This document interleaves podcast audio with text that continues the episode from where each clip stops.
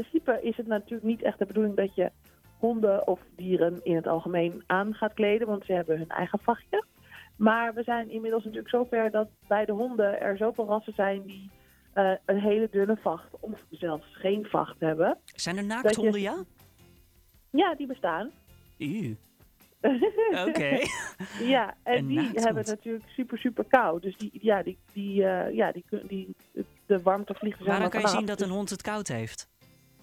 Eh, nou, rillen natuurlijk. Oké. Ehm, je, je ziet, ja, je- Bij is mensen zie je het vaak aan de tepels. Hè? Ik wil dit niet een verkeerde kant op sturen. Maar is dat bij een hond ook hetzelfde? Worden die ook wat harder als het koud is?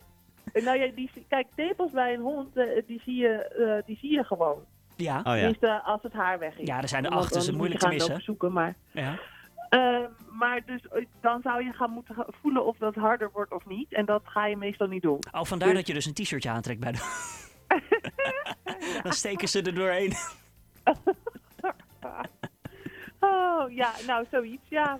Maar eh, ja, dus honden, daar is het iets eh, gewoner bij om jasjes aan te trekken. Omdat daar gewoon meer rassen zijn die echt hele dunne vacht of dus geen vacht hebben. En bij katten, ook al zijn er verschillende rassen, er zijn trouwens ook naaktkatten natuurlijk. Ja. Maar de meeste rassen hebben toch wel een goede dikke vacht die zich heel goed kan aanpassen aan verschillende eh, graden, zeg maar.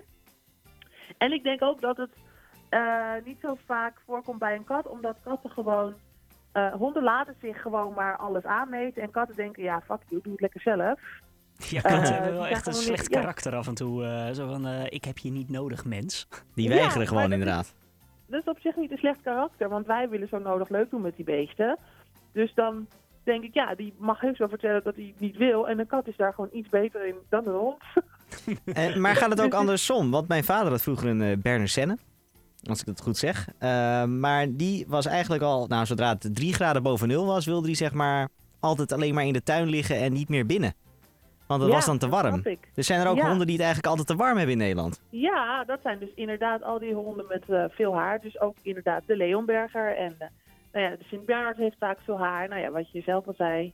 Eh, dus ja, er zijn gewoon honden die gewoon slecht eh, hun warmte kwijt kunnen. En Maar- die zijn met dit weer heel blij. Maar met zo'n Leonberger, dan, die scheer jij dus helemaal kaal gewoon in de zomer. Daar maak je dan tijdelijk een naakthond van. Tijdelijk. Eh, nee, dat doe ik niet. Want in de. ja, het is, gewoon, het is gewoon eigenlijk dan kiezen tussen twee kwaden. Want als je het scheert, dan is de hele isolatie van. Eh, het, het beschermt natuurlijk ook een beetje tegen dat er alle warmte eh, recht op de huid komt. Mhm. Dus dat er gewoon. Dat dat haar. Dat heeft ook wel echt een functie. Ehm, maar ja, het is gewoon eh, heel warm. Dus je moet gewoon koelen op andere. eh, op andere manieren. Maar Ja. dat is dan weer een tip voor in de zomer, hè? Whisky met ijs? Ja, bijvoorbeeld. Oeh, lekker. Zeg, of eh, zonder ijs. Ja, met eh, ijs is natuurlijk wel cooler, ja. Ariane, jij werkt natuurlijk in een eh, ja, dierenasiel. En ehm, zodoende hebben wij jou hier ooit eh, opgespoord bij de radio. En eh, sindsdien bellen we lekker elke week. Ehm, Ja. is, is er nog een, een dier dat eh, brood nodig, een baasje nodig heeft... omdat hij anders eh, naar, het, eh, ja, naar boven gaat, een enkeltje? Ja, nou, dat eh, moet dus wel even duidelijk gezegd worden. Dat gebeurt dus niet zo snel. Of eigenlijk bijna niet. Oh nee, dat doen we niet Eh, in Nederland? Eh, nou, kijk, je doet het als hij dus echt heel ziek is. Of als hij echt, echt niet te handhaven is in de maatschappij. Mhm. Want daar heb je natuurlijk ook een verantwoordelijkheid voor. Of als we op vakantie gaan? Eh, nee, nee, dan ga je toch niet in de hemel. Dan kom je gewoon in het asiel. Oh, Oké, oké. Heel goed. Dus, Ik eh, test je even, ik test je even.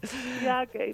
Eh, dus nee, daar wordt heel hard aan gewerkt. Dan wordt er getraind en weet ik veel wat. Om dat beestje toch een plekje te kunnen geven. En, eh, Wie staat er hoog hebben- op de wachtlijst? Ja, nou inderdaad, hoog op de wachtlijst. Dat is heel goed dat je dat zegt.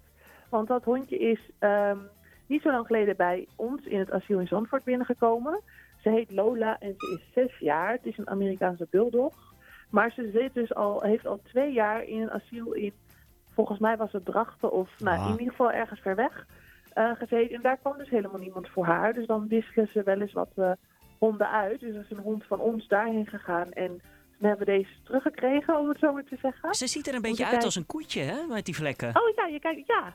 Nou, Want je kan haar zien op Ik Zoek een Baas. Eh, dat is een site van de dierenbescherming. En eh, daar staat ze dan eh, ehm, ja, ook eh, opge- opge- opgeplaatst, als het ware, met Je bent wel foto's lekker en al. snel. Ja, Ja. toch? Inderdaad. Ja, ik ben jong. Ik ben jong. Zoek je nog een hond?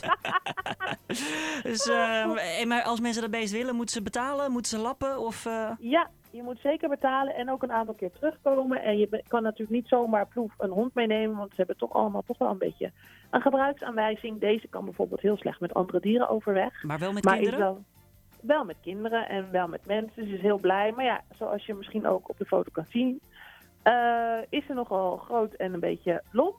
Dus eh, ja, je moet wel tegen een, eh een bumpy kunnen.